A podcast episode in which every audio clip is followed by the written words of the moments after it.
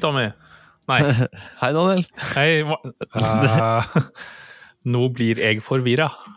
Ja, det hadde jeg vært første gang at du hadde blitt det. Nei, selvfølgelig ikke. Jeg er forvirra på daglig basis, jeg. Ja, men det høres kjent ut. Ja. Ja, hei, Tommy. Ny dag. Morgen, Daniel. Ny dag, nye muligheter. Ja, Det er, klokka er tolv.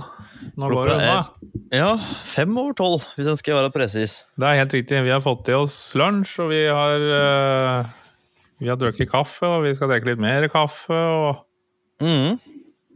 dette blir, uh, dette blir bra. Vi skal inhalere noen kaffekopper og svare på noen spørsmål og komme med noen Ja. drodlerier og tanker og sprell. Det er helt riktig. Er det noe banebrytende nytt siden sist vi spilte inn uh, podders? Nei, etter noe som vi har prata om i forrige podden. Uh, Har ikke bytta men- bremser en gang til, f.eks.? Uh, nei, jeg har bytt br- bremseslanger. Det har jeg bytta. Ja, slangen, uh, ja, slangen var ikke røra. Ja, nei, jeg bør nok ta og bytte det ene røret eh, for å få ting sånn ordentlig, ordentlig på plass. Men Ja. uh, sånn annet enn det, så er det ikke noe særlig. Er det sånn at den ikke går gjennom EU pga. dette, eller er det Jo da, det skal jeg gjøre. Ja. Ja da, så det, det er ikke så ille. Det er bare mest for min egen skyld, egentlig. ja, og dem du eventuelt kjører i trafikken med? Ja, han, han, han hadde jo ikke gått gjennom EU hvis det etter hadde gått an å kjøre i trafikken med det.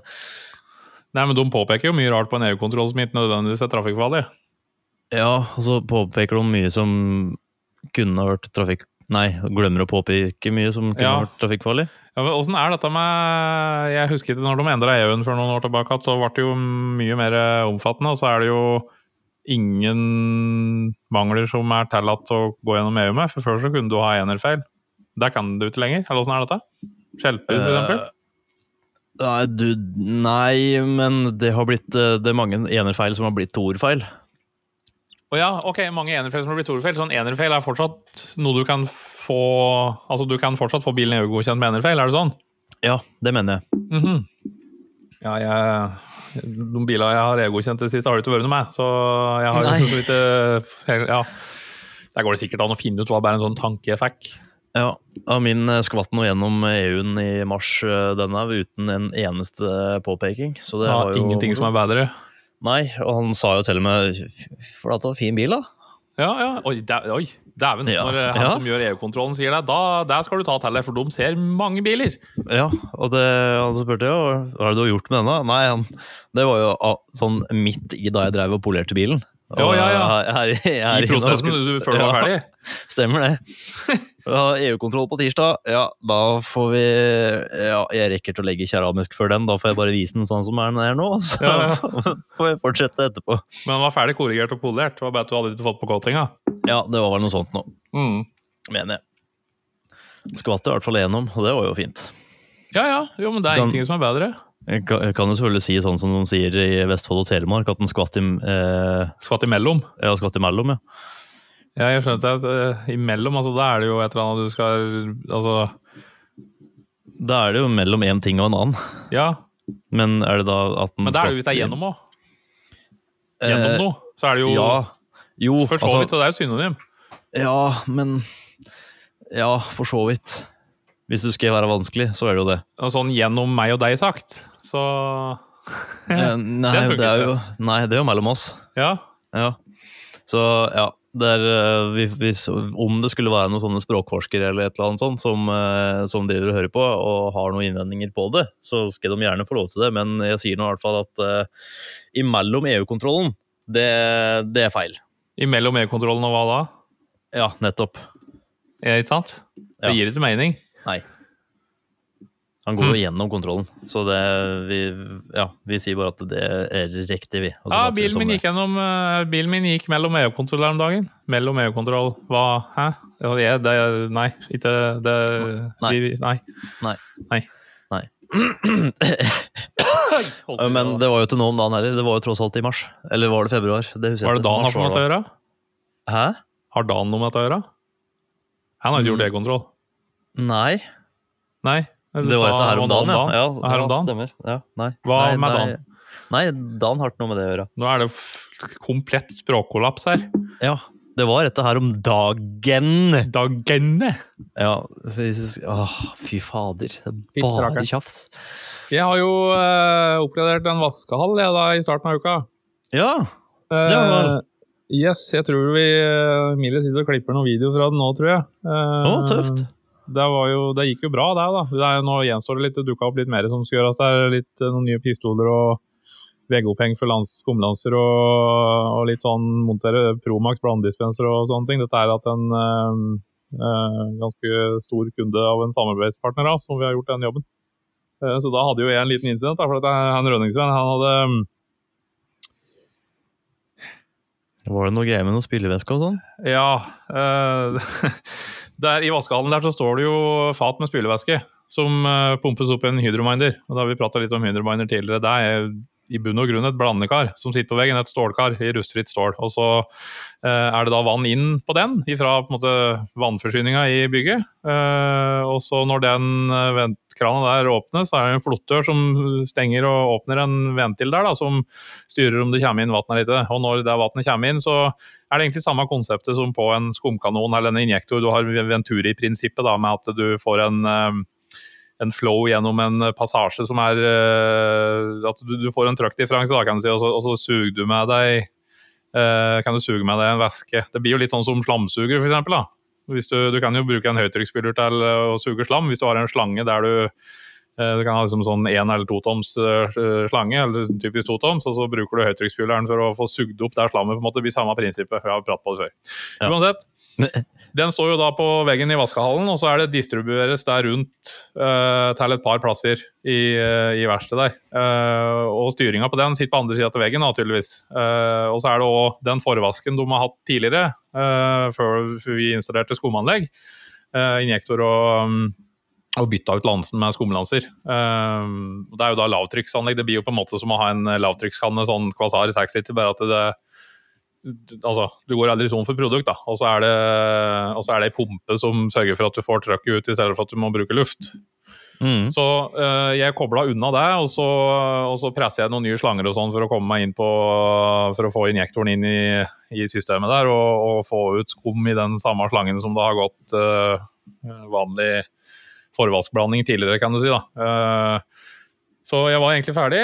Skulle teste, få skrudd sammen alt, og står og spyler gjennom eh, Har da spylt gjennom skumlansen uten, eh, uten dyse på, bare for å Hvis det har kommet noe rusk inn i slangen etter drive og kappa, så får jeg spylt gjennom det uten at det tetter dysa. Det er sånn profftriks, sier de. Ja. Og så brenner jeg i gang og skal kjøre med uh, Får jo et dyse på spillerøret eh, og står og spiller i gulvet, egentlig, bare for å se at ting funker som skal. Og så smeller det som et eh, Ja, det, det smeller som jeg sjelden har hørt bak ryggen på meg. Jeg står med ryggen til det er pumpe her. Eh, det er jo Aldri stå med ryggen til, Tommy. Nei, ja, det er å bruke vernebriller, men eh, det Ja. var jo litt hvor andre hjørnet av rommet. Ja, og så hjelper det å bruke vernebriller i bakhuet. Nei, det er riktig, men eh, Ja. det var bare at eh, den ene presskoblinga røk fra hverandre. Så Mm. det var jo han eh, presseren da, som hadde gjort litt feil der, så den måtte gjøres opp igjen. Den Ja, satt ikke ordentlig sammen, kan du si. Ja, stemmer. Eh, men parallelt med at dette skjer, og du spruter vann og du flakser slanger og greier borti der, så, så ser jeg at det renner etter at det har pumpa. Så jeg tenkte sånn Oi, nei dæven, nå er det noe Nå er det, nå har jeg sprengt hele opplegget her, tenkte jeg. For nå det rant så det sto jeg til. pumpa sitt montert ganske høyt opp på veggen, og der rant det et eller annet oppå dekselet på den. Så tenkte jeg, jøss, hvordan kan det renne fra oversida? Nei, dette skjønner jeg ikke. Og så begynte jeg å tenke, herregud, har jeg klart å få trøkksatt hele spylevæskeopplegget her, da? Det er jo laga for å gå på sånn maks 10 bar eller noe. Jeg har ja fått liksom hadde, 200 bar inn på det. Det hadde jo vært fint å ha sprengt hele Har det gått av i flere plasser rundt omkring her nå, tenkte jeg. da, står det fire-fem mann eh, ute på verkstedet der sånn, med, med hver sin eh, spylevæskelanse som bare står og spruter. Ja, nei, det, det, det sto fire mann der, men de sto på andre sida av porten og kikket inn og lurte på hva i alle dager var den smellen for noe. Eh, så ja, det gikk bra, det var bare en slange som gikk fra hverandre, men eh, det er noe annet rart her. Og idet jeg skal begynne å kikke på det, så eh, er det en som står i porten og tripper, for han må låse, for han skulle, skulle av gårde. Ja, det er klart. Så det var- hadde vært en liten kommunikasjonsklipp der. Da, for jeg, jeg hadde forstått at det var mulighet for å drive senere enn klokka fem, men der var det ikke. Og så, Nei, riktig. da ble det litt sånn, ja, men altså, jeg har jo akkurat sprengt alt her, jeg må jo finne ut hva som er galt. Og så fikk jeg ikke sett noe mer på det, da, så jeg måtte egentlig bare stenge av vannet og strømmen og, og kaste fram noen verktøy og så reise oppover. For jeg hadde ikke tenkt jeg skulle ned igjen morgenen etter. Nei. Eh, Men da var jo egentlig bare å komme seg opp klokka fire da, dagen etter og sørge for å være der til de åpner klokka seks eller halv sju eller når det var. Eh, og funnet ut dette. Og da viser det seg jo da etter hvert at den lekkasjen som var på, um, på pumpa Og det var, det var for så vidt uh, Når jeg lukta på det, så kjente jeg lukta spylevæske. Og derfor tenkte jeg at nå har jeg sprengt hele spylevæskeopplegget. Men det var jo en, et høl i denne slangen som uh, har vært der hele tida. Så det, det hadde rønnet i væske der tidligere, og det så jeg senere på kvelden. Uh, når jeg drev og kikka over bilder som jeg har tatt av anlegget før jeg begynte, så så jeg at her har det rønnet et eller på samme plassen før. Så dette kan ikke være noe jeg har gjort nå. Ok. Så da, da, var det et, eh, en defekt slange, rett og slett. Så da det jo, fikk jeg litt ekstra jobb der. Da, for jeg spurte dem om jeg skulle be ta og bytte den slangen i samme slengen. Så jeg reiste og fikk tak i en ny slange og fikk bytte ut den, så da ble det tett gitt. For det er klart, det er jo, det er jo svært å ha spylevæskekonsentrat som man blander med vann for et slikt verksted, men det er jo ikke så svært hvis mye av det renner ut før det kommer i landskap. Det er jo ikke så god butikk. Nei, i hvert fall ikke når det da er konsentrat, før det har vært oppi det der uh, Ja, nei, dette var ferdig, ferdig blanda, da. Så det var ikke oh, ja. den klangen som For det er, den, det er ferdigblandinga som blir trøkksatt. Det blir ikke trøkksatt noe fra fatet opp til uh, blandekaret, kan du si. Det nei. hentes ut i bånn av blandekaret, så går det en slange ned til pumpa som sitter under blandekaret, og så dytter den det videre. Så den suger ut ifra, tar det ut ifra blandekaret, da. Så dette var på høytrykkssida. Ikke at det er veldig høyt okay. trøkk, da, men det er jo det er vel trøkk omtrent som i ei vanlig kran, tenker jeg. Det er vel en seks-sju uh, bar eller noe, tipper jeg, uten at jeg har sjekket det. Ja. Så det er klart når det blir hull i den slangen, så kommer det ut litt, da. Ja, men det så like mye som det Ja, ikke sant. At å faen, dette var følgefeil av den, der, eh, den dårlige presskoblinga mi her tidligere. Ja, nei, ja. jeg tenkte at i alle dager. men eh, nei, da lærer så lenge man lever, så det ordna seg, det. Så, ja, men det er bra. Det gikk veien. Ja, du fikk altså. systemet opp og gå, alt ja, var i skjønneste orden? Ja da. Det funker så i kula. Så da, da skjønte jeg i hvert fall på dem at det kom til å bli eh, For de har jo slitt litt med at de, de har jo hatt, uh, har ikke brukt kjemi fra oss selv. altså Da er det satt inn forenhenger B i anlegget der, så da har vi jo forventninger til at de, de blir forhåpentligvis fornøyd med den effekten de får av den forvasken. For det, den du har brukt tidligere, har jeg liksom skjønt at det er ikke så god rengjøringsevne på. da, Så det blir jo artig å høre de, om de merker noe særlig forskjell. Ja. Og i tillegg når du da får lagt skum i stedet for bare sånn lavtrykksopplegg, så er det klart du Hvis du går med lavtrykkskanne og det er litt varmt, da eksempel, så, så rekker du ut å komme deg rundt bilen før du har tørka omtrent. Så det er jo en fordel med å ha skum. Mm. Og slippe at det forstøves produkt ut i hallen som du potensielt kan puste ned lungen din. og det er mange, mange fordeler. Eneste ulempe må vel være at du bruker jo noe mer produkt med skum da, enn med lavtrykk. Men så får du òg bedre effekt, for det kommer inn for virke lenger. Og, ja, så det er en sånn avveining. Og så går det kjappere, ikke minst. Ja, Og vaske. Og så, ja, og så har du jo den fordelen at du ser jo hvor du har vært den, da. Ja, der ser det jo ikke så enkelt når det bare er lavtrykksblanding uten at det skummes opp. Nei. Det, jo, det, kan jo være Jeg så jo det senest på en pil i jeg tror det var i går. Eh, en Tesla som sto eh, ute i gata, eller parallellgata hjemme hos meg. Og den eh, var jo dekt av pollen, og det kunne jo sett som at det var noen som hadde tatt og så lagt på forvask eller et eller annet sånt med ei lavtrykkskanne på, på, den. Mm. For du får den der samme den det ser ut som det stikker i. Ja, stemmer. Så du kunne jo ha sett det på den måten, da. Men eh, det er jo igjen, hvis han hadde vært med pollen, og du tenker at ja, men her har jeg jo hatt forvask, så hadde det jo blitt krøll. Ja, ja. Ja, nei, så det, det, var eh, det mest spennende som har skjedd med meg den siste uka, egentlig. Um, ja, Har det vært litt hardt og spenning, da? Ja da, det har skjedd litt. Ja. Litt karvara. Ja, ja. Skal vi uh, rett og slett hoppe over på fag, fa, den faglige biten av podkasten? Det kan vi gjøre. Um, kan ikke du ta oss og gå gjennom kort de temaene som uh, vi skal prate litt på, da? I hvert fall ja. prøve å prate på, så må vi se hvor lang tid det tar. Hvis det drar ut til to timer, så må vi runde av før, men ja. Ja, Eller så får vi bare ta oss og klippe den opp i to episoder. Ja, det kan jo være en mulighet. Eller tre, litt avhengig av. Ja. Ja, nei, eh, På planen i dag så står det i hvert fall noe sånn som at vi kan prate litt om eh, Det er jo ting som har vært gjennom før, men det er jo stadig vekk eh, folk som, eh, som lurer på ting. Eh, og det er jo da blant annet med forvask, håndvask, nedvask og vedlikeholdsvask. Det er jo fire forskjellige uttrykk, men hva er forskjellene på mm. disse? Um, feller en kan gå i under forvask. Det er jo da om en har på petrokjemisk avfetting, f.eks. over lister på dører, og så kan, eh, som kan misfarge og ødelegge ting der. Sånne ting.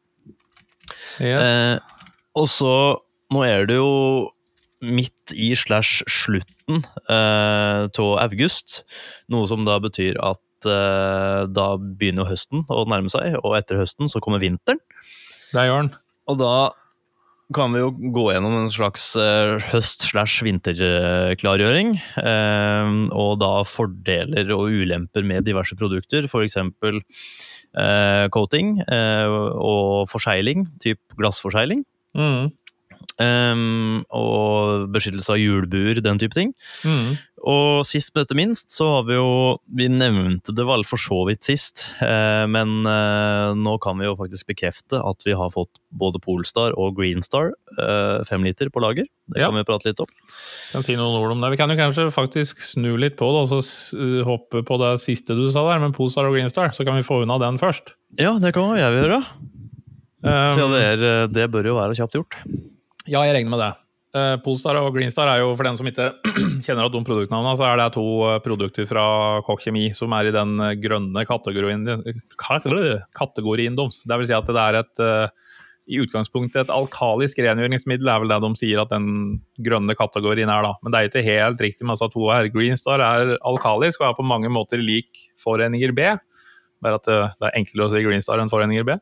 Um, mens Polestar er pH-nøytral. Um, så, så Greenstar det er en såkalt all purpose cleaner. altså Du kan bruke det til det meste. Det er være seg motorvask, uh, du kan bruke den på felger, dekksider.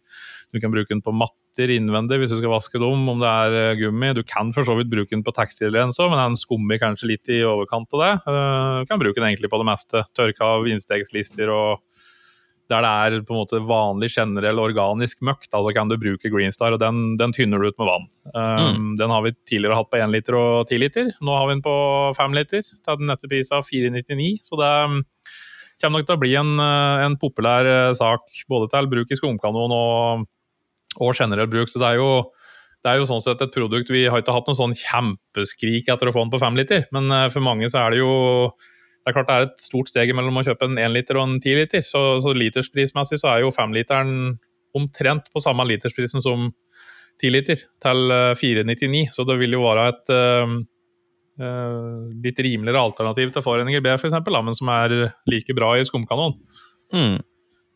Um, Polestar, det er jo interiør.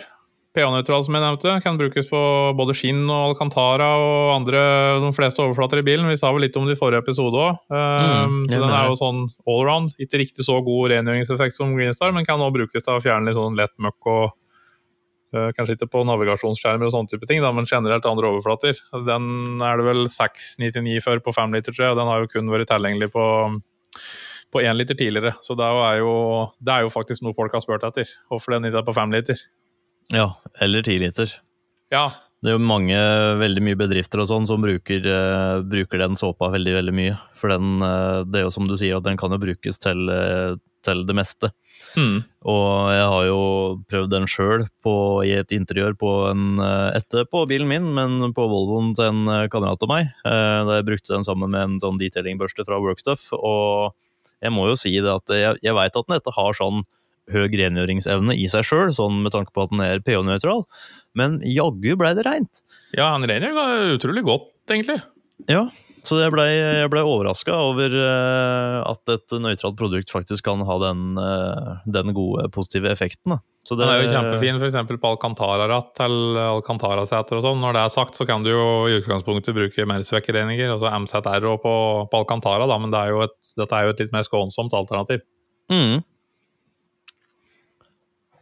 Det er det. Og Der kom du faktisk her inn et uh, spørsmål, men det kan vi jo ta under den neste kategorien. Ja, da er det forvask, håndvask, nedvask, vedlikeholdsvask. Hva er det, og hva er forskjellene mellom dem? Og det er jo i utgangspunktet noe som vi kan prate om i timevis, men Det stemmer. Jeg, Jeg tenker at det går an å også Skal jeg bare si sånn innledningsvis kort på hver av de fire, og så kan vi gå litt mer i dybden på de forskjellige punkta. Mm.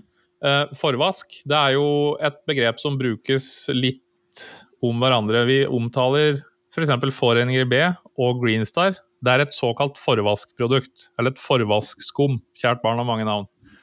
Uh, og Det er jo fordi det er uh, annet altså du kan bruke det i forvasken. Uh, og En forvask den er som regel berøringsfri. Den kan innbefatte petrokjemisk avfetting som tervasje, alkalisk forvask som Foreninger B eller Greenstar, og eventuelt metallpartikkelfjerner, sånn som Reactive Rust Remover eller Felgenbliss kan også brukes til det.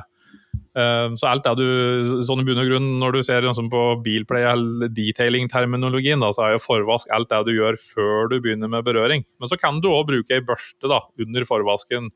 F.eks. For, for å ta listverk og sånne type ting og komme til på detaljer. Så det er ikke nødvendigvis helt berøringsfritt, men det er ofte det steget før du går på med svamp eller vaskehanske.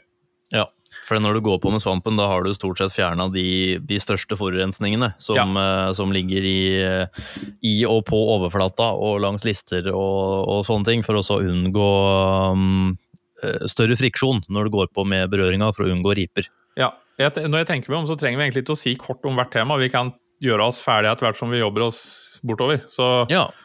Og du, det, det du sa, uttrykte veldig greit. Ja, ja det er vel stort sett sånn det blir. Ja.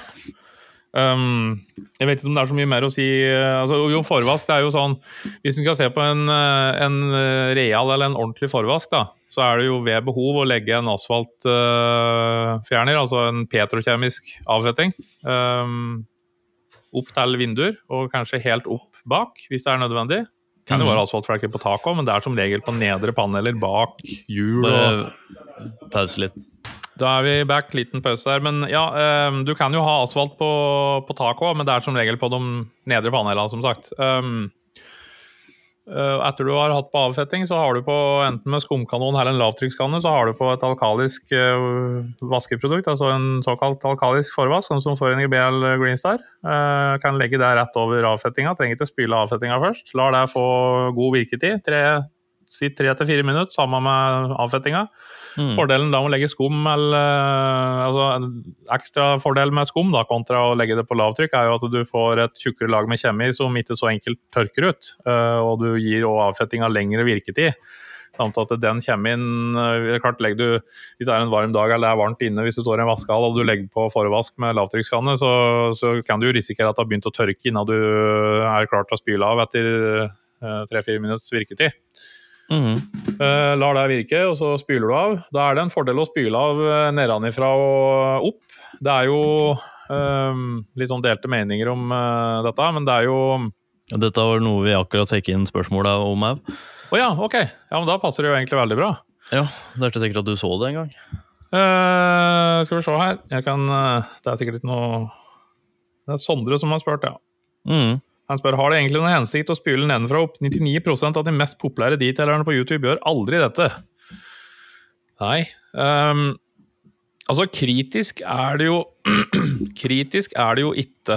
Men det handler jo litt om um, egentlig å ha kontroll på hvor du har spylt av og ikke. For når du spyler av ovenifra og ned, så vasker du unna den forvasken du har lagt, og da vil du fjerne vaskekjemien fra et område du ikke enda skal spyle. og Da forkorter du òg virketida. Så hvis en på en måte skal tenke at du skal ha så lang virketid som mulig, så vil du forlenge virketida mer med å spyle nedenfra og opp. Ja. Um, du vil jo òg få Altså, når du spyler ovenifra og ned, da, så er det effekten av trykk og vann og vaskekjemi som fjerner møkka fra lakken. Eh, når du spyler ovenfra og ned Nei, jeg starta feil. Når du spyler av, så er det den effekten du får. Når du spyler ovenfra og ned, så fjerner du egentlig mye av kjemien. Du begynner å fjerne kjemien under stråla di før du har kommet ned dit. Sånn at eh, du ønsker egentlig å la kjemien ligge på lakken helt til du skal spyle, og ikke begynne at den skal renne av. I tillegg så har du òg bedre kontroll på hvor du har fått av Altså um, dette er, I forhold til rennemerker og sånn, da, så, så, vil det jo i utgangspunktet kunne renne mer kjemi ned på sida når du spyler ovenfra og ned. Så det er, det, er, altså det, det er, ikke noe krise å spyle fra oversida og ned, men det er på en måte en sånn konsensus om at det er best practice å spyle nedenfra og opp. Ja. Har du noen tanker utover det jeg sa på det? Uh, nei, etter direkte det du sa, uh, men han sier jo det at eh, de aller fleste detailere gjør etter det. Nei. Og grunnen til at det skjer, er fordi at de aller fleste detailere som er kjempepopulære på YouTube, de holder til til i nordlige områder, eller eh, der det er så mye Eller det er sikkert mye insekter og sånne ting, men de bruker gjerne heller etter forvasksåpe når de vasker Nei, bil. de bruker kanskje en pH-nøytral bøttesåpe. De har ikke Ja. et alkalisk forvaskprodukt. Og det, det gjør jo da at da trenger de etter å få den der samme virketida eh, ofte på, på det de vasker. Nei. Eh, og derfor så hender det at de da, eller eh, i 99% av tilfellene, så spyler de jo da ovenifra og ned. Eh, Og det er da grunnen til det, Sondre. Det er ikke Um, nødvendigvis det, det at de etter veit hva de driver med, eller det at vi etter veit hva vi driver med. Nei. Og det er ikke nødvendigvis at altså, det er ikke sånn derre Å, herregud, har du spylet ovenifra og ned? Altså, det er ikke sånn at du Det går fint, det, altså. Det er bare at det er bedre å spyle nedenfra og opp. For det er jo også som du sier da, med rennemerker. Eh, hvis du spyler ovenifra og ned, og det begynner å For da kan det jo renne eh, ned i, i skummet, sånn som det ser ut som du har spylt der. og Derfor så Yes. unngår du å spyle, og da vil det fortsatt være kjemi som ligger igjen der og virker. Ja, og at eh, du ikke kanskje får fjerna elmøkka som ligger der, da. Hvis du er litt kjapp. Så Ja. ser du ikke ordentlig hvor du har spylt og ikke, så kan det være områder du ikke får med deg. Nettopp. En annen ting som 99% av de mest kjente detailere gjør, er jo at de eh, tar en såkalt pre-rinse. Dvs. Si at de går over og spyler bilen først, sjøl om bilen ikke er så himla møkkete. Mm. Uh, der ser jeg ingen grunn til å gjøre. For at det eneste du egentlig da gjør, er at du, du væter overflata. Og det er jo i utgangspunktet ikke nødvendig. Det er klart, Har du gjørme på bilen, et centimeter tjukt gjørmelag, ja, da spyler du av bilen først. Men hvis det er vanlig møkk, så er det like greit å bare la vaskekjemien få gå rett på tørr overflate, uten at den skal tynnes ut ytterligere. Eller hvis du spyler av først, da, og så legger du avfetting. Altså, ja, sånn som T-varselen vår, den funker selv om bilen er fuktig, men det er jo best å ha den på tørr. Ja.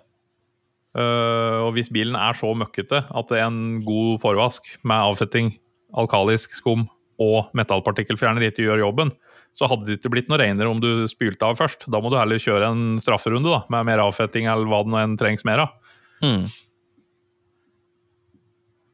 Og så er det håndvask, da. Etter Ja. forvasken. Mm. Det er jo, da er det jo den biten der du skal begynne å ta på lakken din. Det stemmer. Har du, hva, Hvordan er det du gjør den, da? Uh, jeg bruker stort sett uh, stålull. Ja, du gjør det, ja. ja. Gjør det. Du er glad i å polere, du. Uh, ja, ja, ja, ja, det er jeg. Men jeg tenker at da er det jo det er jo en veldig veldig effektiv måte å få fjerna hvis det skulle være noe sånn der metallpartikler eller et eller annet Ja, sånt ja, ja. Som, som, som ligger igjen. da. Så Hvorfor bruker du ikke bare 400-korning eh, sandpapir, da? det, det får være en måte på, da. Ja, hvor skal gå til verks. ja. Nei da. Um, håndvaska den tar jeg jo stort sett med ei um, Selvfølgelig etter at bilen har blitt spyla godt og jeg har fått av forvasksåpa. Eh, Så Mhm. bruker jeg jo da en uh, god svamp eller en nugget eller Jeg har jo Jeg var fan av vaskehansker før, men det var jo fordi um, Før jeg skjønte hvor mye enklere det er å bruke andre produkter.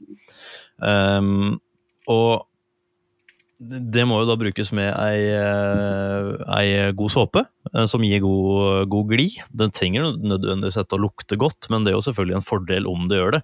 Mm. Eh, og så er det jo så er det mange da som sier at ja, men den såpa er sånn, den skummer ikke nok. Og eh, for meg så har det egentlig blitt et ganske urelevant tema. Ja, det er kult at håndsåpa di skummer opp eh, når, du, når du begynner å vaske, Mm. men skummet i seg sjøl, det er jo egentlig bare luft som er blanda med, med såpa. Ja, det er det. Eh, og det gir jo ikke noe Det gir et noe glid. Det er liksom innholdet som er i, i såpa og vannet som gjør at det glir på, på overflata. Så ehm, Ja, ja så det er, den er jeg for så vidt enig i. At det er jo ikke Sjøl Selv om eh, hvis du kjøper noe sånn skumtilsetning, på en måte, så er det ikke dermed sagt at det er eh, at du kan helle skumtilsetning i vann og håndvaske med det, for at da er det good. Det vil jo fortsatt være uh, dårlig med friksjon. Altså, det, det, det vil bli mye friksjon allikevel, for du har ikke den glien som du får fra ei bøttesåpe. Så det er jeg faktisk Nei. helt enig med deg i. Ja, så det er, er, jo- det er er jo jo måler kvaliteten på bøttesåpa ut ifra mengden skum. Det Ja, er ikke det- Nei, det er, jeg syns at det er riktig metode å gjøre det på. Og du- det, ja. Når vi er inne på det. Det Ja. samme gjelder egentlig med forvasksåpe. Altså forvask eh, Det er ikke såpe, da. Det er jo ingenting av det vi bruker som er såpe, for såpe er jo dyrefett og noe greier. Og det er det ikke noe av produktet vårt. Men eh, uansett. Vi sier noe såpe likevel, selv om det ikke er såpe. Definisjonssak. Eh, veldig mange ønsker jo å ha et forvaskprodukt altså som du legger på en skumkanon som skal være så tjukt at du kan gå på det. ikke sant? At det er nesten Men- som å gå på ei pute. ja, men det der, der sånn, det kan vi jo ta opp på det neste temaet. Uh, ja, For det blir jo på en måte Jo. en felle. Okay. Fordi en, en lar det gå så inn på seg. ja, det blir Ja. så nært. Ja, ikke sant? Jeg skriver det opp der, jeg. Ja, gjør det. Ja. ehm, eh, jo, det, den såpa som er i bøtta, den trenger til nødvendigvis å skumme eh, så fryktelig mye. Så det er liksom det som er alfa og omega, det er, eh, det er god glid. Mm. Og bru, bruker du det og tar håndvaska, så starter på, på taket. Ehm, for da Jeg holdt på å si, hva er grunnen til det? Men det er jo ofte fordi taket er jo da minst forurensa. Ja, det er Eh. helt, helt riktig. På håndvask så starter du på det minst møkkete panela. Så du tar gjerne eh, taket først, og så ned til nedre paneler. på en måte, Sånn skjørt og nedre del på front- og bakfanger er liksom det Mm. siste du tar. Og kanskje noen har jo en egen vaskehanske eller en egen svamp som de bruker på de nedre panela, men i hvert fall ikke gå helt ned, og så går du oppatover. For det, der er det større risiko for at du får med deg noen partikler. Og det er også sånn i hjulbuer, liksom hvis du har noe skvettlapper, eller altså nede der, så er det mer grims, grums, grams, og det er òg mer plasser som ting kan samle seg, og det, det, det kommer òg mer eh, møkk fra veien der. Så Ja. ja. Det er eh, stort sett da under en håndvask så vil jeg jo si at du vasker 80% av de utvendige panelene av bilen eh, Mm. på den første, den første delen. Mm. Og så går du da på med en eh, eh, nødvendigvis en møkkete svamp, men en, en svamp nummer to, da, eller en hanske nummer to. Og så tar du de da nedre panelene. For det, hvis du har gjort en, eller bomma litt da, eh, under forvaska, så kan det jo også være en litt under skjørtene. Mm. For eksempel, da. Det har jo jeg opplevd at da har svampen blitt litt mer møkkete. Eh, og da vil jo det òg kunne gi mer friksjon, og da er det jo spesielt dumt å ta det over eh, de, de panelene, da. Spesielt da etter at du allerede har vært der. Og det, det er jo der jeg liker egentlig å, å bruke svamp. Jeg, da. Eller generelt, jeg er veldig glad i svamp. for at det, om du da driver på de nedre panela Jeg pleier på å kikke litt mer på svampen min da, for å se litt mer, ha kontroll på ok, har du kommet med noe her. Ja, nei. Mm. Har du det, så må jeg gnukke på den en runde i bøtta, kjøre den mot Gritgarden og liksom kanskje jobbe litt med den for å få, få bort den møkka. Eh, hadde jeg brukt en vaskehanske, så er det mye vanskeligere å få ut at den møkka som har blitt med. Så, så svampen er mer tilgivende hvis du får med deg inn, så lenge du passer på å, å få det unna igjen. Og så er den mye lettere å skylle av når du er ferdig. Ja, ja. Vaska, altså en, en vaskesvamp trenger jo nesten ikke vaskes i maskin. Har du en vaskehanske, så må du vaske den i vaskemaskin hvis det har blitt nok møkken for å få den Ja. igjen. Og så er det mye billigere. Ja, ikke minst. Uh, ja. uh, men ja. Uh, og så da er vi jo da inne på det som vi var med i stad, med avspillinga. Eh, Mhm. Etter at du er ferdig med dette, her, sånn, så spiller du fra ovenifra og ned. Ja. For da, er du, da trenger du ikke å la kjemien virke noe særlig, for da er du allerede ferdig med det. Eh, og da skal du spyle av og få vekk all såpa, og unngå at det blir liggende igjen noe. Mm. Så er det jo da altså Tørk eventuelt. tørk eller våtvoks eller eh, Eller forberedelse til polering, uh, kleiing f.eks. Ja. Etter Og det- hva du skal gjøre videre. Og det går jo da inn på det neste temaet. Ja, vedlikeholdsvask. Nei, Nei, nedvask. Nedvask. Yes. Stemmer. Nedvask, ja. Uh, der jeg sier ja, da må du ta en ordentlig nedvask. Og da hender det at folk liksom Hæ? For det, hva, hva er da forskjellen på nedvask? Altså eh, Er det, liker og, og, er det, og er det noe annet enn oppvask? Ja, eller Å, herregud. Jeg har tatt nedvasken i dag. Ja, men har vi ikke maskin? Nei, det er oppvasken vi har maskin til, ja. Stemmer det. Ja. Eh, for, altså, da vi prata om forvask, vi prata om håndvask. Daniel sitter og flirer fordi han dro en tørr vits på nedvask i forhold til oppkast. Nei, oppvask. um, Ja, men oppvasken oppvask er jo så tørr. nei, å herregud. Nå må jeg gi Eh, meg. Forvasken, den kan du gjøre uten å følge opp med en håndvask.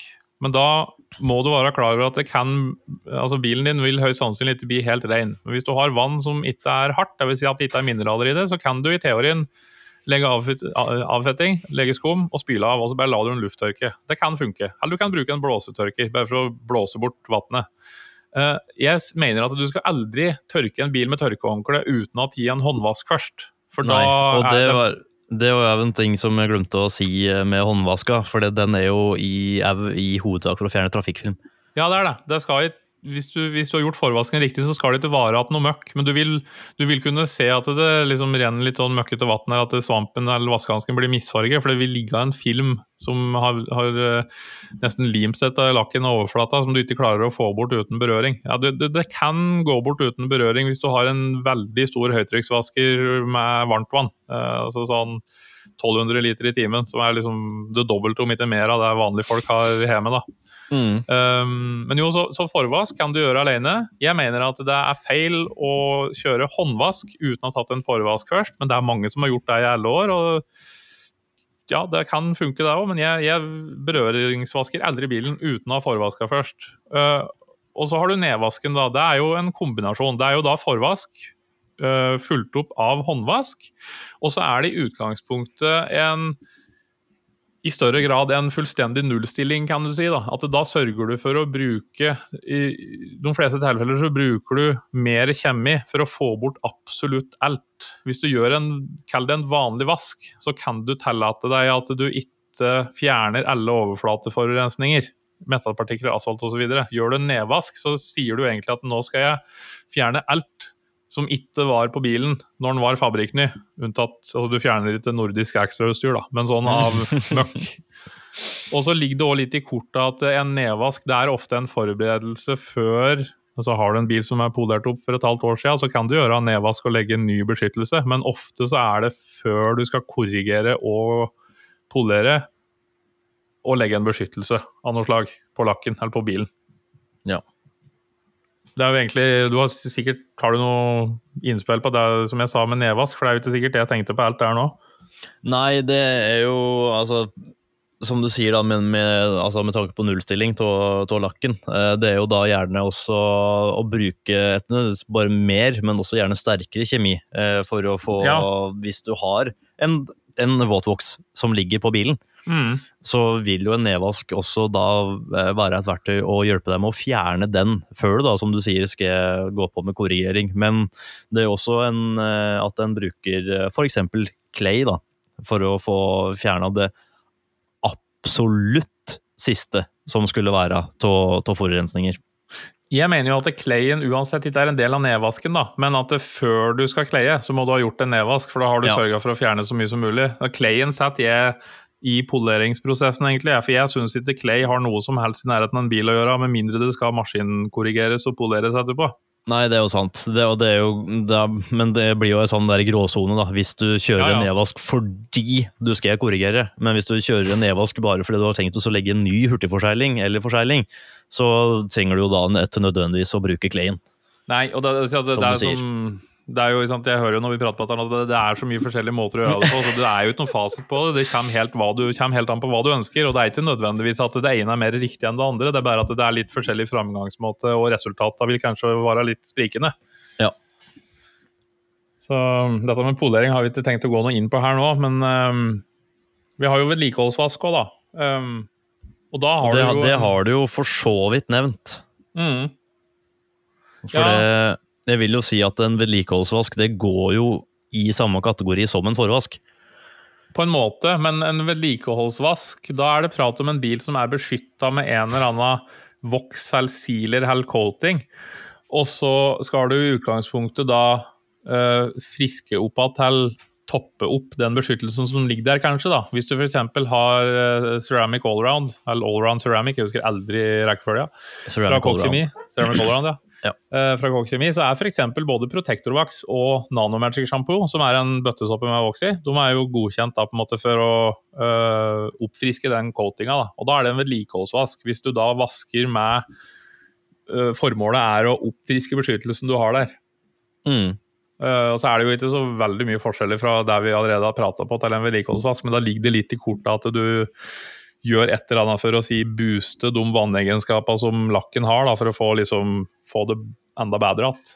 Ja, du skal jo da vedlikeholde det som ligger til grunn der. Har du en FX Protect coating, så har jo de et eget produkt som heter CH3 Topcoat, f.eks.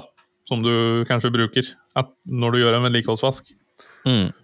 Har du en CarPro coating, så har de et eget produkt som du bruker for å booste coating. Har du en G-Technic coating, så har de et eget produkt, og det gjelder på en måte så dette har vi jo mye spørsmål om. At folk skal gjøre en vedlikeholdsvask. Dvs. Si at de skal legge på et sånn top up-produkt, som det kalles. Så, så vil de bruke kanskje et Kokk kjemiprodukt, og så viser det seg at de har jo en coating fra Gyon eller Carpro eller G-Teknikk eller hva det nå enn er. og så Da er jeg såpass eh, ærlig og sier at eh, da anbefaler jeg å bruke det vedlikeholdsproduktet som coatingprodusenten har, for da vet du at det er laga for den bruken. Sånn at du ikke kan risikere å få noen problemer med noe øh, at du kan på en måte, overskrive egenskaper til coatinga, eller at du kan få noen skjolder. Eller, altså, det skal nok litt til, men i utgangspunktet så er det liksom en fordel å bruke det spesifikke produktet. Da. Ja. Ja, det går, altså, ja, da har vi jo litt sånn materialkompatibilitet og sånn i, uh, inne i bildet der. Mm. At en skal, skal, helst bruke det som er designa for, uh, for, det produktet som, som ligger der fra før av. Ja, ja. Altså, det er ingenting i veien for å eksperimentere litt. Det kan jo selvfølgelig hende at uh, f.eks. S002 da, fra, fra Kokk Kjemi, at den uh, er jo sikkert antageligvis, kanskje, muligens litt usikkert uh, der. Bedre enn vedlikeholdsprodukter fra ymse andre leverandører. Hvem vet? altså Det kan godt hende at den gjør en bedre jobb enn et eller annet top-up-produkt fra en coating-leverandør. Det er ikke godt å vite. men... eller at den gjør det enda verre. Eller at den gjør det verre. Men det er på en måte ja. ikke noe vi kan gi noen fasit på. Det er heller ikke noe som det er mulig å finne ut uten å teste sjøl. Det, det, det, skal nok litt til for at det blir ødelagt. Men uh, bare for å være på den sikre sida, så er det greit å bruke riktig produkt. Ja. Ja, hva slags feller er det du kan gå i, da? ja, det er jo vi, Du prata jo om det der, det er sånn med eh, for dette er jo under forvask, som vi, som vi, prater om her nå. Eh, og da er det jo, som du prata om, med petrokjemisk avfetting. Mm. Den skal jo da Vi sier jo det at den helst etter skal legges eh, over, eh, over dørlister. Eh, altså da snakke om på frontrute og sideruter og, og, gjerne tak og sånne ting. Men hvorfor er det ei felle, eller hvorfor skal enhet gjøre det? Og det har jo med å gjøre at de listene som da er under vinduene, de er jo mm. Og det er jo på samme måte som vi sier med, med at du skal ha petrokjemisk avfetting på, på, dekka. Eller altså ikke bare petrokjemisk avfetting, men eh, et uh, oljebasert produkt, da. For ja. det, det, vil trekke ut oljene som er i produktet fra før av. Eller i, uh, i objektet, eller ja Hva blir riktig å si? Ja? I listene, da, sier vi da. Uh, og det vil gjøre at de skjolder, uh, blir skjoldete, og at de mister farge ofte. Og det er jo da et uh, helsike å få tilbake den fargen igjen, for det, det, finnes mye produkter for det, men det er som oftest etter noe som varer. Nei. Så, så langt en kan unngå det, unngå å få Og det er jo sjeldent at du har asfalt på vinduene. Så det er jo greit ja, ja, å unngå det i ho all hovedsak. Da må du jo ha vært i et uh, område som driver og blir asfaltert når du kjører forbi, eller er et eller annet unormalt. og Hvis det er en case, så, så er det jo på glass, f.eks. Hvis du har asfalt på glass, så er det jo bare å peise på med clay, for clay ripes ikke av Nei, glass ripes ikke av clay. Så nei. det er uh, På bakluke og, og, på både stasjonsvogner, f.eks., så får du jo mye møkk hele veien opp. Så der kan du helt trygt gå hele veien opp, for der er det ikke i hvert fall Vanligvis er det ikke mulig å åpne de vinduene. Jeg tror det er noe BMW der du kan åpne bakruta, men det er uansett ikke sånn at avfettinga da renner nedi og blir liggende som plassen ikke skal ligge. Uh, så ja, åssen er dette i forhold til at ting tørker og sånn, da? Er det noe lurt? Nei, det pleier jo ikke å være det. Uh, og Eller, ja, det kommer jo selvfølgelig an på hva det er for noe som skal tørke lettere, for det er jo en fordel at tørkehåndklær tørker. Uh, men når en har lagt kjemi på en bil, og du skulle være uheldig og det begynner å, å, tørke, så vil det jo da kunne for det første oppstå skjolder, uh, som vi prata om, men det vil jo også kunne lage etsemerker. Ja. Vannet for fordamper jo i en eller annen grad, altså at det blir mer konsentrert når du får tørke. Ja, og sånne forvasksåper de er jo ofte uh, høyalkaliske. Mm. og når noe er høyalkalisk, da begynner det å bli etsende. Mm. Noe som da er eh, veldig dumt for, for eh, lakk og, og klarlakk. For hvis du da etter får spylt ut og fort nok, så vil det kunne I de aller verste tilfellene så vil det kunne brenne seg gjennom klarlakken. Ja, det kan være, det skal nok litt av at det går gjennom, men vil i hvert fall kunne bli skader i klarlaken. Men det er nok litt ekstreme tilfeller. Det jeg tenker som er aktuelt på de fleste biler, det er jo dette med listverk rundt vinduer og sånne ting, der det kan være enten matt overflate eller svart høyglans, eller det kan være noe à la krum, eller det kan være en matt metalloverflate, f.eks. Der er det lett for at det kan bli skader i overflata hvis du får tørke inn. Og det er jo ekstra uh, aktuelt hvis du egentlig bruker feil type kjemi, eller hvis du bruker kjemi som er for sterk. Uh, mm. En sånn tommelfingerregel er jo at hvis du ser at det er noen områder der det begynner å tørke, så kan du i utgangspunktet legge på mer av det samme produktet for likt løse likt, og da vil du redde deg ut av den situasjonen. Det er heller ikke noe krise om det ligger igjen noen uh, områder med forhindringer B på lakken som får tørke. Altså, du, du klarer alltids å ordne opp i det, men hvis man på en måte tar forbehold om at dette er en spesifikk type kjemi, så er generelt at det tørker en uting, så det er greit å prøve å unngå. Og da må man ha huet litt med seg når man vasker, i hvert fall på sommerhalvåret. da. Og det, ja. det, vrir seg jo kanskje litt naturlig inn mot dette med åssen du stiller opp bilen når du skal vaske. Du steller deg jo ikke i klokka tolv i juli med sola midt på himmelen og det er 32 grader ute. Og setter bilen der og går inn og ordner deg en kaffe og sover litt og sørger for at den blir 2000 grader der den står i sola, og så begynner du å kaste kjemi på den. Du må ha en bil som er eh, avkjølt, nettopp eh, med tanke på at det er med tørking. Ja. Uh, og Det gjelder jo bremseskiver og klosser, og det gjelder motorrom og alt, egentlig. sånn at ja, du kan stå i sola og vaske, men da kan ikke bilen ha stått i sola og varma seg opp. så du uh, Alternativt så kan du ta ett og ett panel, da. At du vasker ett og ett panel. Så, går, så får du vaska over, hatt på kjemien, spylt av ganske fort. Men da virketida er jo ikke mulig å opprettholde, og det tar jo utrolig lang tid da, kontra å få gjort alt i en vending. Mm. Mye, mye fram og tilbake med, med, produkter og dyser ja, ja. og kanoner og ja. Jeg vet jo det er noen ihuga sjeler som eh, til og med har kjøpt et sånn tre ganger seks meter partytelt og satt oppover bilen, og det er jo helt genialt hvis en må vaske når det er sol, f.eks. Det, mm. det er å stå i sola på sommeren og vaske. Det er ikke, det er ikke noe kjekt. Jeg har, jeg har, gjort det litt, men det fordrer at du har koll på virketid, og at du vet hvem du har påført og får spylt av så fort som mulig. At du på en måte ikke vimser rundt og ikke har helt husk på hvem du har lagt og ikke. Så det, da må man ha med seg i huet. Det må en. Um, men jeg nevnte litt dette med tjukk konsistens på forvaskskum òg, jeg. Mm, det, ser jo det. Kult, det ser jo kult ut, da. Ja visst gjør det det.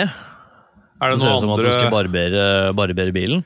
Ja, det er jo sånn derre brannskum eller sånn barberingsskumkonsistens hvis en drar på litt med bøttesåpe. Hva er det som er ulemper og fordeler med det, tenker du? Nei, altså Fordelen er jo det at du greit nok, du gir det jo lengre virketid det gjør du. Eh, men ulempen er jo det at det er jo gjerne skummet skal jo helst begynne å renne litt ja. for å flytte på møkka. Ja. Og hvis det er så tjukt, så er det bare det skummet som ligger på toppen, som begynner å dra seg ned. Og etter det som ligger under. Nei, og tjukt skum er jo lettere enn tynn skum, da, sånn i teorien, for det er jo mer luft. Ja, det er det. Pynt, så det vil jo det det. renne dårligere. Ja. For det er, jo, ja, det er jo Ja, som du sier, det er mindre vann i det. Og det er jo Ja, det er jo veldig, veldig flott å, flott å se på, men det har ingen praktisk betydning.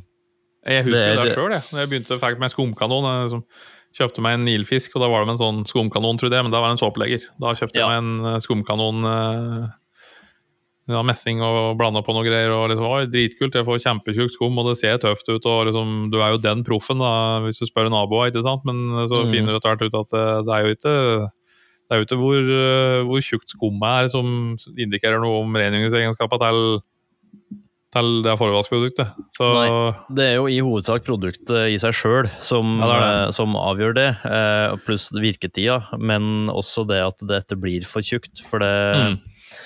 Um, jeg hadde et eller annet lurt som jeg hadde tenkt å slenge inn der, men det, ja. glem, det glemte jeg. Ja, Kan hende du plutselig kommer på det? da? Plutselig. Så kaster jeg det ut, og så blir det Ja. Ja, så Det er jo en Eh, sånn mellomting, da. Eh, Det du jo, kan gjøre, er jo å ja. ha litt bøttesåpe i forvaskproduktet. Eh, Foreninger B i seg sjøl skummer nok hvis Og så er det òg et hvis, da. Forutsatt at skumkanonen er i orden. Hvis den brukes over lang tid, så vil foampaden, eller det er filteret som sitter i den der, som ser ut som tynn ståltråd som er knørva sammen, den vil kunne tettes, og da, da yter ikke skumkanonen like godt. Så du kan òg få tynt skum fordi at skumkanonen ikke er uh, fresh lenger, at den, at den trenger en uh, liten oppstrekk. Ja. Så Det kan være mange årsaker til det, men et forvassprodukt i utgangspunktet er jo laga for å gjøre sånn som Foreninger B er utvikla spesifikt for å rengjøre utvendig. Både på lavtrykk og på, med skumpåføring. Så det er på en måte i utgangspunktet ikke noe behov for å skumme opp den enda mer. Nei. Og det er jo det som jeg kom på at jeg skulle si, var at det, når du skummer ned og det blir tjukt og fint, så bruker du mye mer produkt. Ja, det gjør du jo. Absolutt. Så det, det blir jo mye, mye dyrere å vaske når du vil at det skal se Instagram-vennlig ut. Ja, og det å vaske med bøttesåpe er jo ja, det, ja, Bruker du autosjampo, så er det jo ganske rimelig, men sånn i utgangspunktet så liksom Gentle Snowform er jo ikke spesielt billig å vaske med kontra Greenstar eller Foreninger B, så det er jo på en måte en vurdering, dette. Altså det, hvis du ikke vil ha den eh, kraftige rengjøringsegenskapen til Foreninger B, for eksempel, så kan du kjøre tynnere blanding og så ha oppi en dert med Gentle Snowform. Så får du ganske Mm. god skumegenskap da òg. Da Ja, vil det gjør Foreninger det. B i seg sjøl skumme litt for dårlig, med tanke på at den blir såpass tynn Mm. men kanskje bra nok til å fjerne den lille møkka som ligger på. Og så har du litt bøttesåpe, Gentle sånn Active Wash autosjampo, FX sin sjampo, et eller annet, som gjør at du får bedre hengeevne på skummet. Så Ja. det er jo, det, det- jo, en ting der Og så vil den lukte litt bedre. Ja, det vil den jo. Uh, en ting der, Hvis du har bil som er coata, så kan det være problem med å få forvask, uh, altså forhenger en f.eks., til å henge på. Og da har vi uh, sett at eh, Superform for eksempel, den, er, den skummer mer. For det er et produkt som egentlig er laga for sjølvask. Uh, sånn at det skal være wow, kult, det er tjukt skum, som folk flest vil ha. Men den kan være mer egna for å vaske coata bil. Siden coata bil har såpass lite friksjon på overflata, så, så er det ikke alt som henger på like godt. Nei. Det er vet, noe en må ta, i, ta hensyn til når en holder på. Ja. Uh, er det andre feller som det går an å gå i? Ja? Det er jo kanskje dette med HMS, da. Ja, det er jo det å etterbruke hansker og etterbruke Altså, en skal jo helst bruke komplett verneutstyr, altså hansker og briller, eh, når en hører Ja. på, og gjerne lange bukser og gensere og sånn, for å unngå å få kjemi på seg når du holder på. Eh, Ja. Hvis du tar en vedlikeholdsvask med pH-nøytral såpe, så gjelder jo ikke det i samme grad. Eh, men når en holder på med forvasksåper som har høy pH, eller for all del syrer, eh, da er det viktig. Da er det veldig, veldig viktig med, med verneutstyr. Og det går òg på eh, spesielt med syrer, å bruke åndedrettsvern. For det er et, virkelig ikke noe særlig å få på seg, eller i seg. Hmm. Så det er um, å bruke hansker, eh, det ja, som du sier, det er ei felle, det, å etterbruke det. Og så merke det at du begynner å bli tørr på hendene, eh, og etter skjønne hvorfor i alle dager du skulle bli det. Så er det gjerne fordi eh, hvis du har vært borti eller fått skumma på deg eller noe sånt noe, eh, at huden din tørker ut. Mm. Så det er, er veldig, veldig viktig å, å ta med seg det. Eh, safety first. eh, de grunnreglene der sånn, da. Ja. Ja, i hvert fall. eh, Jeg prøver stort sett alltid å bruke briller, f.eks. Og, og i hvert fall spesielt hansker. Men det er klart, det er jo sånn som på sommeren så er det jo lite aktuelt å stå i langbukse og hoodie og vaske. da, Som regel svetter du jo i hjel. Men eh, det er jo sånn som hvis du da får litt forvaskprodukt på huden din, så er det bare å ta og spyle av det egentlig så fort som mulig. Ja. Det er jo ikke heldig å få det på seg, så sånn i utgangspunktet så burde du jo sørge for at du ikke har noe hud eksponert. Men uh, Eh, det er jo blanda ut, og det er jo mulig å spyle det av seg ganske fort. Så da, det er ikke sånn at du, du får noe skade av det, på en måte. Jeg, aldri, jeg har nå fått diverse forvaskprodukter som har sprutet på armene mine, og sånn, og det, jeg har jo spilt av meg. Hvis jeg har gjort det, så har jeg godt å få spilt av meg med en gang, men jeg har aldri fått noen plager pga. det. Så det går nok bra òg, om en har huet litt med seg. Mm. Så er det, Det er sikkert noen andre Kjenner, feller òg. ja, kjenner jeg deg rett, så skulle vel du helst ha brukt uh, hjelm òg, du, når du holder på. Ja, det er, det er så langt ned til bakken at hvis jeg snubler, så slår jeg jo kakk i hjel meg når jeg treffer bakken, så det er riktig, det. Ja, ikke sant? Det er lang, lange er de, og høyt faller de. Ja, ja, buelengda mi. Det er jo da, hvis du har en Vet du hva buelengde er? Det var, Se for deg eh, pizzastykket, der ja, ja, ja. skorpa er er, eh, ja, det blir hypotenusen. Uh, nei, for da er du på en trekant. Uh, Ja, men det, det blir jo fra to punkter, og så er du den ytre radien eh, som eh, blir der sånn. Ja, altså Poenget er jo at uh, hvis jeg detter rett over ende stiv som en stokk, så er ikke beina eller føtta mine beveger seg ikke så langt, mens huet mitt, som sitter to meter over føtta mine, der går jo ganske mye lenger før du treffer bakken. Det er nesten så du når terminal hastighet innen jeg treffer bakken. Så ja, det kan Ja. fort bli stygt. Jeg tror det. Eh, Jeg tenker jo at Hvis det er noen der ute som har erfart eller gått i noen feller under forvask, eller lurer på noe potensielle feller under forvask, send oss en henvendelse, så kan vi ta det med på neste episode, altså neste uke. Mhm. Uh, vi tar og hopper over på vinterklargjøring, da. Jeg tenker også Eller, eh, eller, eller skal vi gjøre det, for nå har vi Nei, holdt nettopp. på i godt og vel snart en time. Nettopp det jeg tenkte jeg skulle eh, pense inn på nå, er nettopp vinterklargjøring. Og så tenker jeg vi sier at ja, vi sa i stad at vi skulle gå gjennom det, men jeg tenker at det er egentlig verdig en egen episode Ja. å prate om vinterklargjøring, for det er et ganske omfattende tema. Skal vi begynne med det nå, så kan vi si litt. Mhm. Sånn kort sagt så er det jo i bunn og grunn å gjøre en nedvask og legge en beskyttelse. Og så er det litt andre ting som er greit å huske på, men der kan vi ta en egen episode om. Det er ikke sikkert det blir eh, neste uke, for det kan være greit å Kanskje vi skal gjøre det til en eh, sånn midten av september, eh, slutten av september-episode. Uh, eller vi får se. Kanskje kommer det neste uke. Jeg vet ikke helt ennå. Det er veldig flytende, altså temaet vi prater om. Ja, det er generelt sett veldig veldig flytende, det vi driver og prater om. det er generelt veldig flytende, egentlig. Ja, det er jo bare å se på all kjemien vi selger, det. Ja, ja. Enda vi har jo stort sett bare ett merke. Nå har vi jo litt eh, Workstuff, for eksempel, da, men nei, eh, FX. Protect, men Workstuff sine produkter er ikke så flytende. nei, de er ikke det. De er ganske håndfaste. Mm. Da Rart med det der. har vi jo vært igjennom nesten alt der vi sa. Jeg hadde en feeling, skjønner du, at det er et av temaene kom til å ryke. Og jeg vet vinterklarering er ganske, kan ta ganske lang tid å prate om i seg sjøl, så det var rett antakelse, det. Ja, Rett og slett. men da var det greit at du sa det at det, vi, vi får se hvor mye tid vi har igjen. Ja, det var jo det, egentlig. Hvis vi skal breie ut, om, eh, breie ut om det nå, så er det jo på 1 time og 20 fort. da. Å ja, minst. Og jeg har litt annet jeg skulle gjort, for jeg skal ta kvalinga òg, så. Ja, sant? Men da tenker jeg at eh, jeg takker for meg, Daniel. Ja, da takker jeg for deg, jeg. Eh, ja, da takker jeg for deg. Ja. Og så, kjære, kjære lytter, takk for at du hørte på oss. Det er, uh, jeg vil jo rette en stor takk til deg, som nå har kommet deg gjennom 57 minutter og 25 sekunder av gneldringa vår. Det er rett og slett imponerende at du har giddet å 70 og hørt på så lenge. Mhm. Så send oss en uh, melding eller et eller annet, hvis det er noe du syns var tåpelig sagt, eller hvis det var noe vi skulle sagt mer om, eller hvis det var noe vi sa for mye om, eller noe. Altså, ja, eh, en eller annen tilbakemelding, gi oss det. Hvis Ja, du er du drittlei av å høre på oss, så kan du for all del si ifra om det.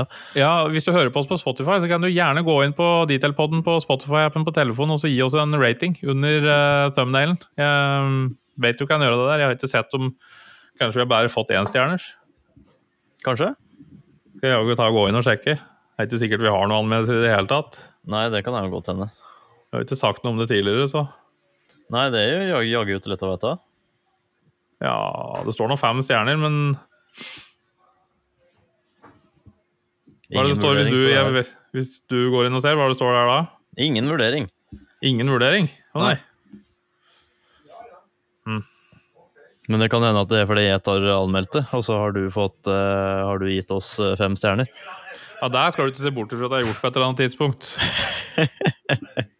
Pleier på å der, vet du. Gå inn og like egne videoer og sånn. Nei, det gjør Ja. jeg som regel ikke, men det kan hende jeg har satt en femmer på henne, for at jeg syns vi er så innmari flinke. Ja, det kan hende. Det hender jo, da. Det hender at vi har noen, noen nyttige og informa Ja. informative og fine ting å si. Stort sett så har vi jo det. Ja. Ja. Sett bort fra den svadaen, så. ja. I dag var det bare 13 minutter med svada før vi starter, så Oi. jeg tenker det er ja Ja. Ja, vi får si at det er greit. Takk for eh, praten, Daniel. Og så eh, Vi prates jo igjen og ses jo før neste episode, regner jeg med. Men eh, til den som lytter på, så prater jo vi med hverandre at neste uke og legger ut praten. Så Ja, Eller om de tar også bare binge-hører på oss, så høres vi etterpå. det er, det er riktig. Neste Ja. uke. Fint. Ha en Ja. god dag. Takk det samme. Ha det. Hvor er det jeg stopper dette her, da? Ja, Det veit jeg ikke. Der, ja.